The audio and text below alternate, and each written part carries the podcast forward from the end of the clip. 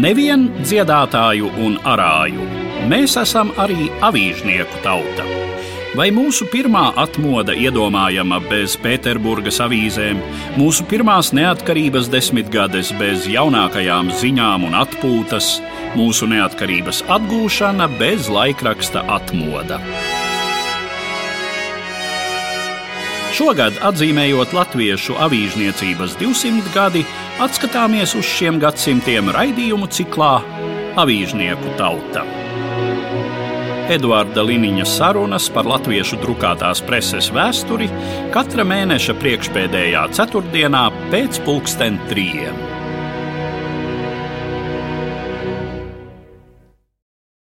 Labdien, cienījamie klausītāji! Pagājušā gadsimta 90. gadi jau atkal bija jauns, spilgts pārmaiņu laiks Latvijas drukāto mediju videi. Šai laikā no preses skatuves nozuda vai teju līdz nepazīšanai transformējās lielum lielais vairums preses izdevumu, kuri bija iznākuši periodā pirms neatkarības atgūšanas. Tappa jauni izdevumi, kuri lielākoties pastāv joprojām un veido mūsdienu Latvijas lasāmās preses ainavu. Par šiem dinamiskajiem gadiem, pieskaroties arī tālākajai procesu attīstībai jau mūsu gadsimtā, mana saruna ar mediju vēsturnieku, profesoru Rīgas Stradiņa Universitātes komunikācijas fakultātē Aināru Dimantu. Nu, pirmais jau ir, protams, tas, ka rodas jauni izdevumi, kas nāk vietā. Tie pirmie ir jau atklātuma, jeb glasnosti laikā, kas sākās, kā zināms, 86. gadā. Parādās tāds laikraksts, kas ir izdzīvojis no šiem jaunajiem. Kā toreiz lauka avīze, tagad Latvijas avīze. Mēs atceramies, ka lauka avīze tappa būtībā, var teikt, breša zemnieku reformas ietvarā. Bija doma atjaunot būtībā nepu jaunajos apstākļos, jauno ekonomisko politiku, kas bija Ļeņinam, ja? respektīvi palaist vaļā. Vismaz lauksaimniecībā privāto īpašumu, ko vēl nesauc starp citā, bet par personisko, bija tā sauktie breša zemnieki, kas eh, labticīgi tad iegūtu vēlāk bija konflikti, ja, zemi un sāka to apsaimniekot. Un eh, tad arī radās eh, lauka avīze, ar būtībā šo mērķu auditoriju. Kā Latvijas Komunistiskās partijas centrālās komitejas nedēļas laikraksts lauku iedzīvotājiem. Kļuva ļoti populārs. Valdemāra Krustiņa vadībā. Viņa vadītie izdevumi jau iepriekš bija ļoti populāri. Žurnāls Lauku dzīve, pirms tam padomu jaunatne. Viņš bija talantīgs redaktors. Līdzīgi kā, ja mēs skatāmies uz pirmo neatkarības laiku, tad no laika pirms neatkarības palika viens galvenais laikraksts, jaunākās ziņas. Tas šeit būtībā palika vienīgais, kas izdzīvoja tiešām ilgstoši. Tā ir tagad Latvijas avīze. Ja? Te nav jāaizmirst, ka tās kājas aug tajā glasnosti periodā. Vēsturē pievērsās ne tikai lauksaimniecībai šis laikraksts. Un tiešām kļuva tāds savu pragmatismu un konservatīvismu, varētu teikt. Nevēl te bija tāds teiciens lavīze. Tur jau bija arī draudzība ar Albertu Kaulu, ar Latvijas lauksaimnieku savienību. Tas bija tas, ko atbalstīja Valdemārs Krustīņš sākotnēji. Ne jau tautas fronti, ne jau Varbūt valdība, jā, pēc tam, kad jau bija valdība, ja? bet tautas fronte nē, kā tāda. Viņam tuvāk bija tā e, lauksaimnieku savienība, un tas arī izpaudās arī politiski. Mēs atceramies, bija tāds interesants uzsaukums par Latvijas valsti, par brīvu cilvēku. Tie sauktie gaišie spēki ir e, atsevišķi sarakti, bet beigās jau saploda e, visi tajā tautas frontes frakcijā, kas balsoja par neatkarību. Kas bija otrs faktors? Tā sauktā preses nama ieņemšana. 91. gada pats, pats gada sākums. Tur bija tas strīds par to, kam pieder preses nams. Formāli tas bija Latvijas Komunistiskās partijas centrālās komitejas izdevniecība. Jaunā valdība teica, ka tas ir tomēr valsts īpašums.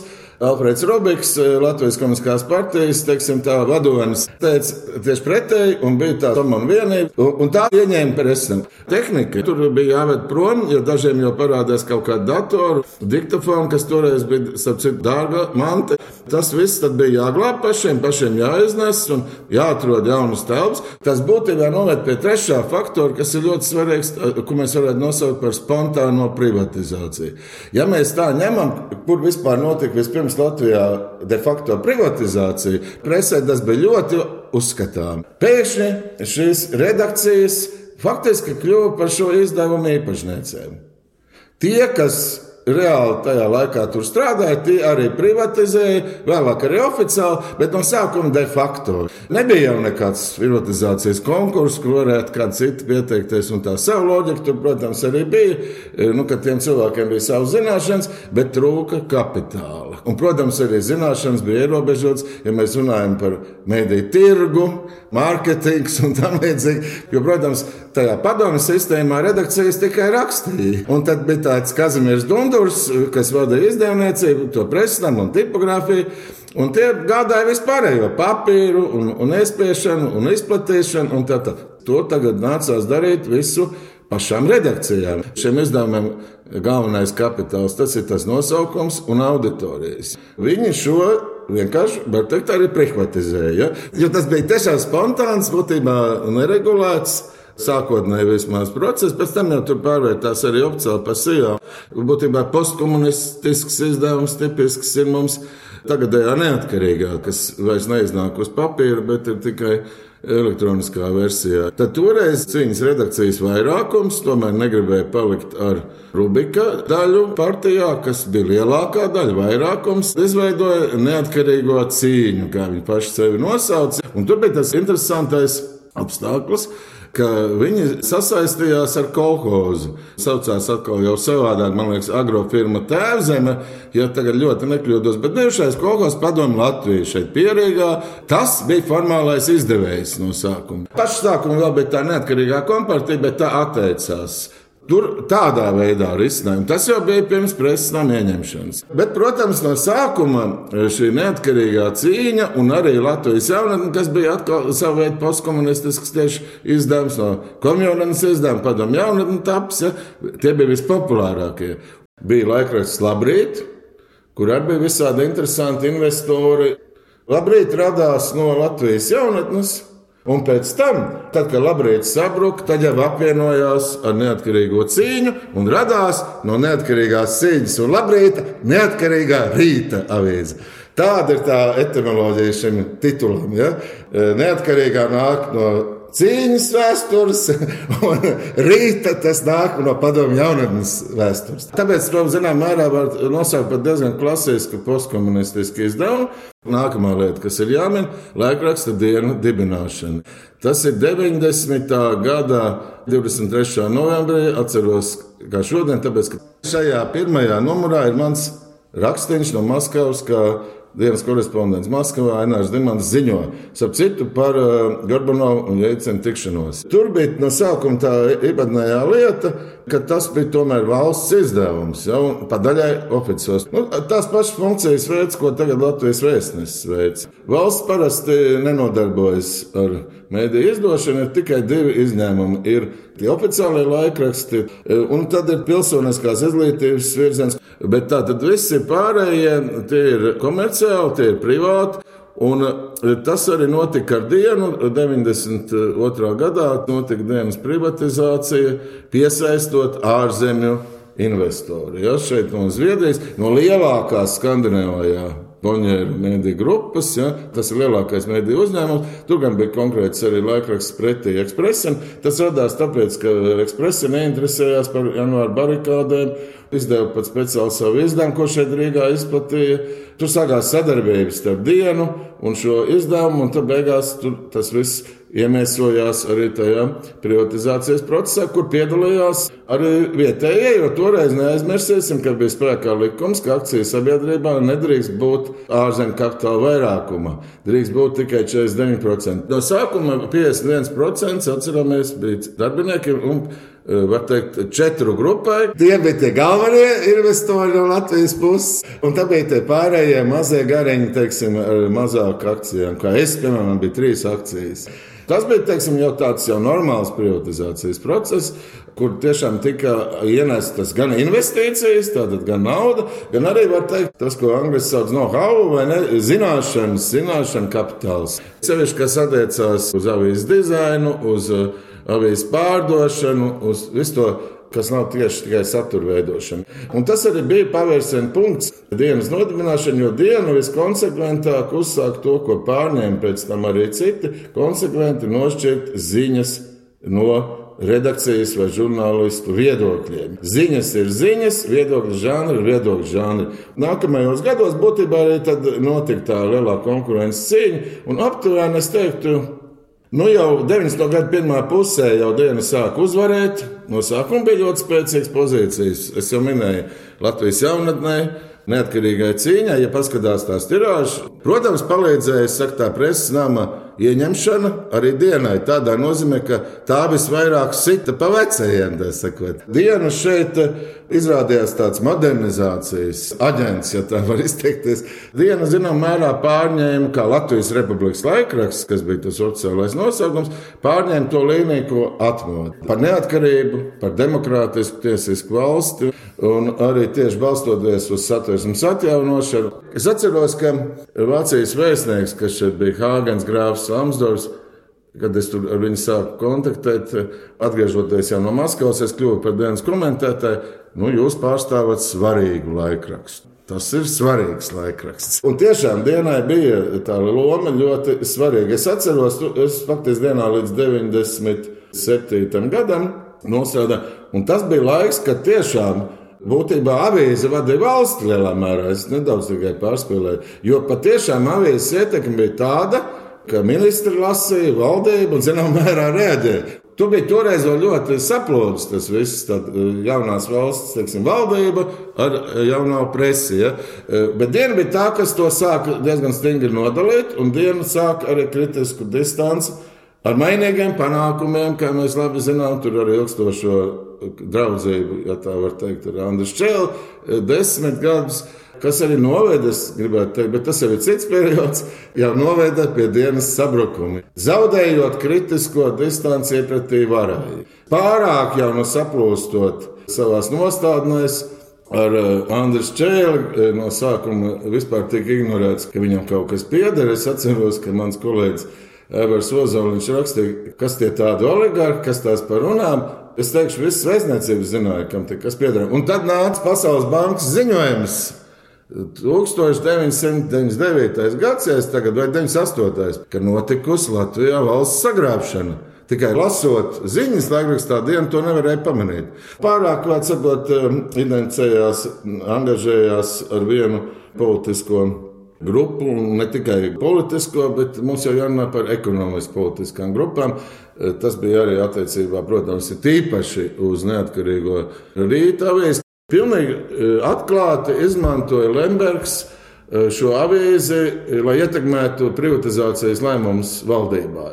Tur bija, protams, arī stāsts par to pašu Ventspils naftas privatizāciju, jo Ventspils naftai, starp citu, kura vēl bija valsts īpašumā. Formāli piederēja tā neatkarīgā arī. Tad, nu, te atkal ļoti parādījās tā preses instrumentalizēšana, varētu teikt, kur tad arī lūk, mums parādās jau šie mediju oligārhi un vēlāk vispār oligārhi. Un, diemžēl tā sauktā Valmieras ekonomiskā politiskā grupa, tā acīm redzot, guva pārmērīgi liela ietekme, es teiktu, uz laikrakstu dienu. Ja? Vismaz uz tā satura. Es negribu teikt, ka tur viss bija apzināti ļaunprātīgi, e, bet mēs labi zinām, ka galvenais ir iespējas, kas rodas politikā, un arī tas attiecas uz mediju uzticamību. Pat nav tik svarīgi, kā ir, bet ir svarīgi, kā izskatās.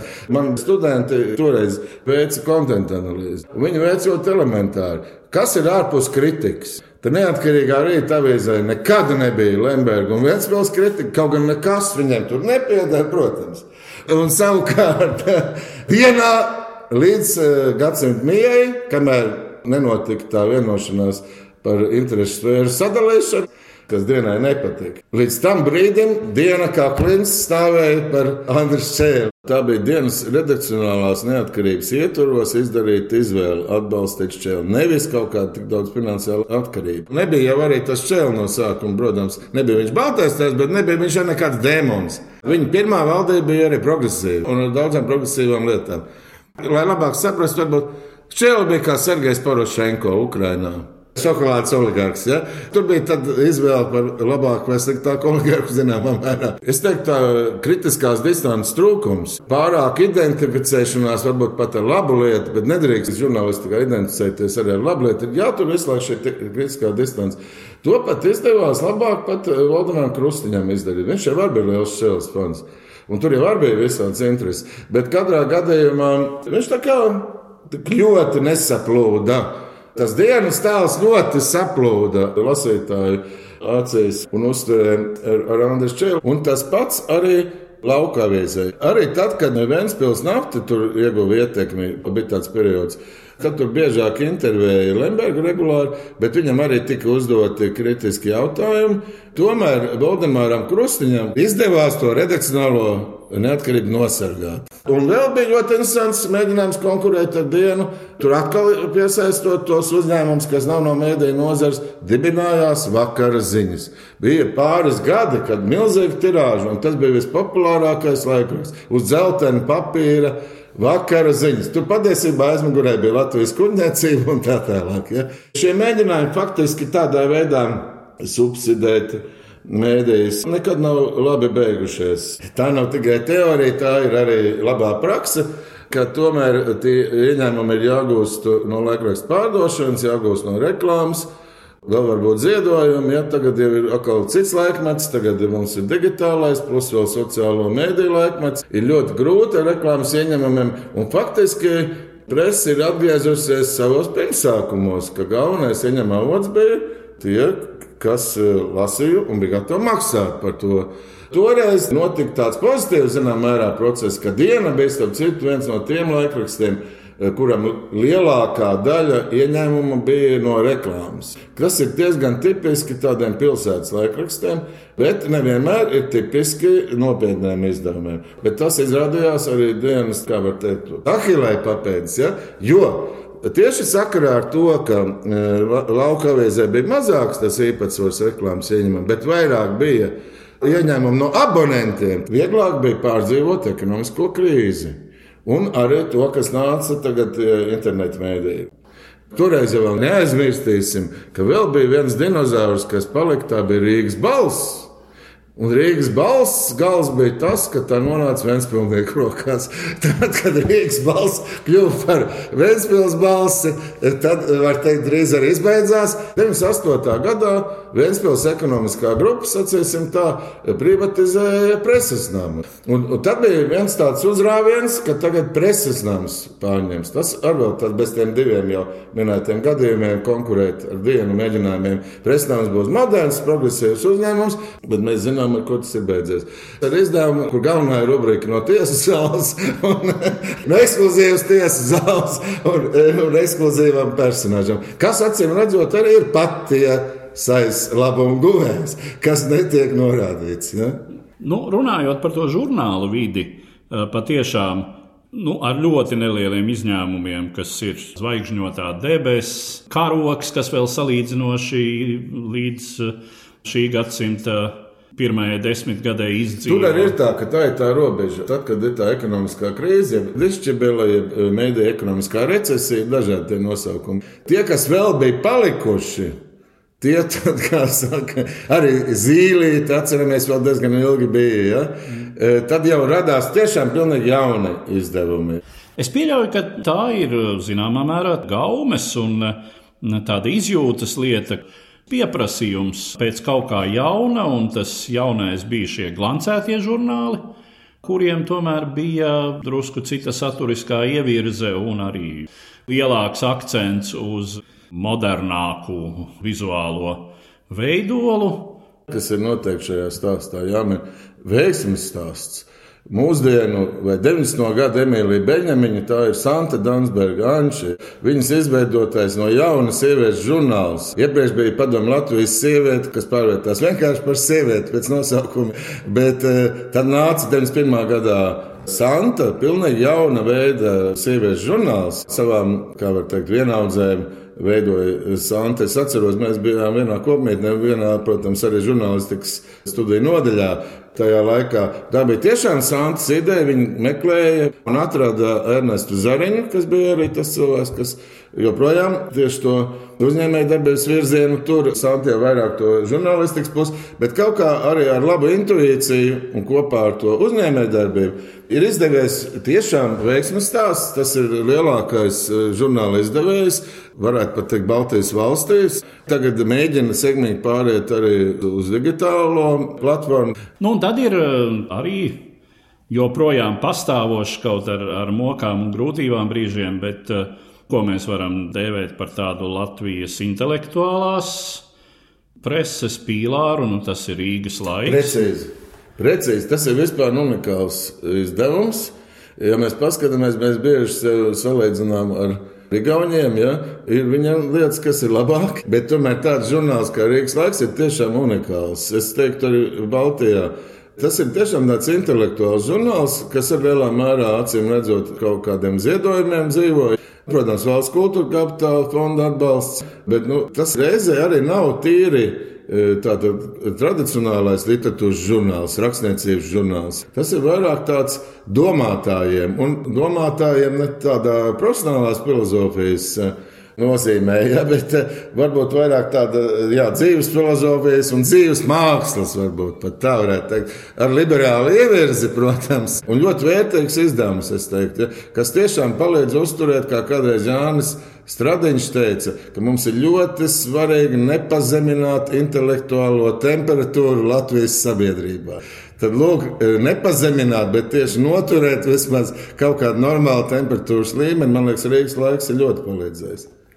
Vēl, protams, dzeltenā prese kā fenomens, kas arī dzimts šajā laikā un ir arī kaut kas sabiedrībai jauns un uh, vismaz vienā daļā sabiedrības ar lielu kāri un apetīti saņemts un uztverts. Nu, tur ir uh, jāsaka, mazliet arī nobieda.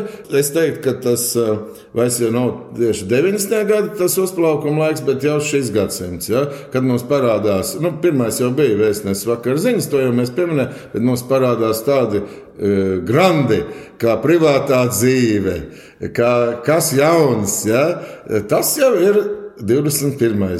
gadsimts. Ja mēs paskatāmies pēc žurnāla topiem, ja, tad tur vienmēr kas sacenšas. Ne jau ir.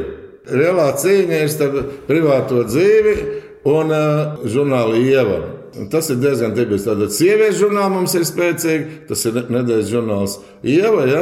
un mums ir šis privātās dzīves kronikas izdevumi. E, tur ir baigā sacensība, tur ir e, privātā dzīve, tur ir kas jauns, tur ir vakar ziņas, kas ir pārtāpušas par žurnālu, par nedēļas žurnālu. Un vispār e, jau ar šo e, gadsimtu ir vairāk saistīta izdevniecības Rīgas viņa izvirzīšanās, kas arī tieši uz šāda veida Presi ir vairāk uz populāro segmentu, preses tirgu vairāk orientēta. Tur ir uh, arī kas jauns avīze, vai ne?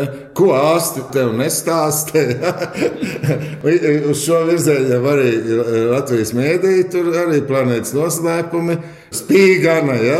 tas arī droši vien jāpiemina. Ja mēs salīdzināsim, ko mēs redzam preses kioskos, iebraucot, teiksim, Tallinā, Viņā, vai es nezinu, tur ielidot Vašingtonā vai Frankfurtē, nu, tāds ezotērisko izdevumu īpatsvars, kāds ir mums parasti uz preses kioskos, iesim jebkurā, nav, es nekur citur tādu neesmu redzējis.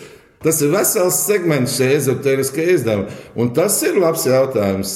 Tas ir mūžīgais jautājums par to latviešu pagānismu arī un tā tālāk. Ja? Un tas jau arī izskaidro, kāpēc pandēmija neeksistē pēdiņās. Ja? Nu, ir šī sakām neracionālais. Ja? ja ir tas racionālais virziens, kur, teiksim, arī Rīgas laiks, ja? Un uh, zvaigznotā debesis. Un būtībā tas sākas jau ar veco stenderi, augstas gudrības grāmatu no pasaules un dabas. Jo viņš jau tieši cīnījās pret ezotēriku. Tomēr pretējā pusē arī tā, tā tradīcija turpinās. Ir gan stendera tradīcija turpināt, gan arī tā pretējā tradīcija turpinās. Noslēdzot sarunu, kas ir tas uh, būtiskais mantojums, ko pagājušā gadsimta 90. gadi ir atstājuši Latvijas presei? Galvenais mantojums ir mācības. Mācības, ka tiešām nevajag identificēties ar politiķiem, ieturēt kritisku distanci. Tas bija process, kas sākās jau zināmā mērā ar dienu. Ja?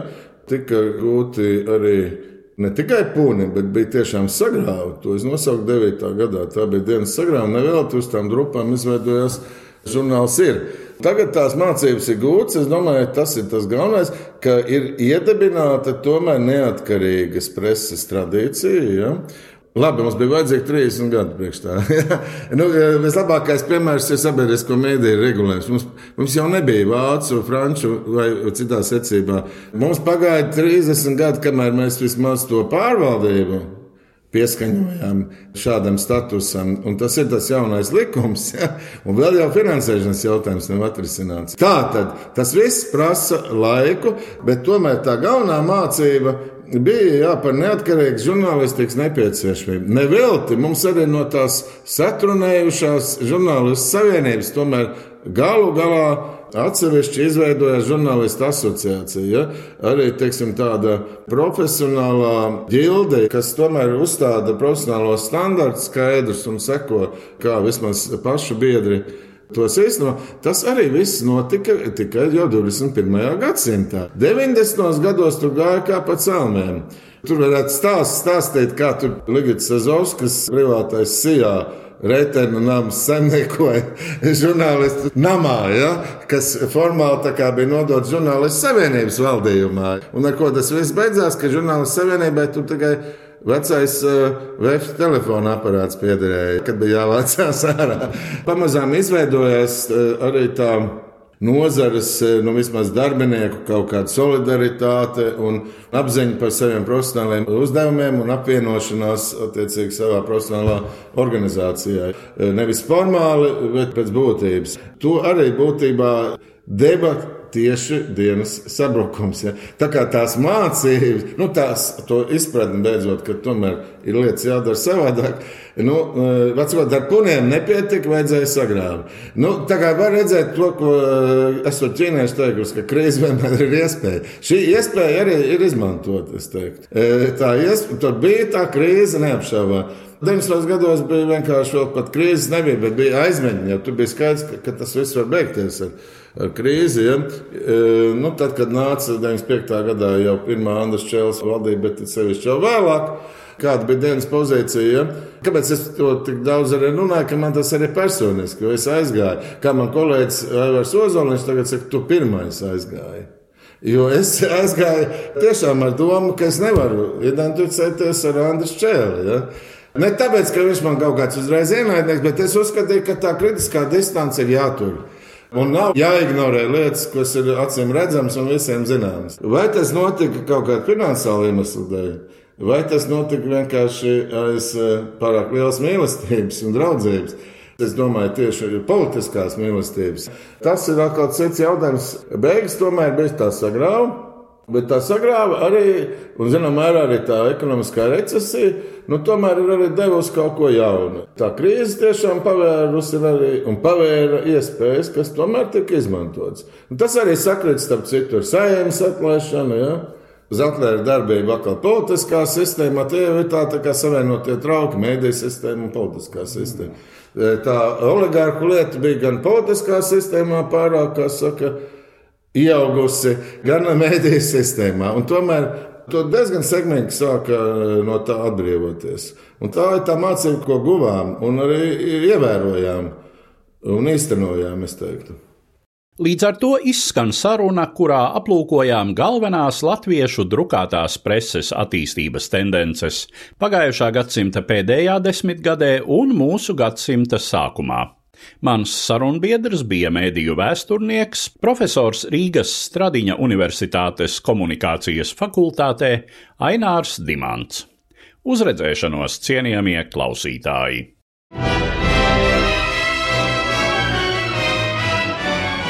Jau 200 gadus mums, latviešiem, ir savas avīzes, kas mūs daudzējādā ziņā veidojušas un vadījušas.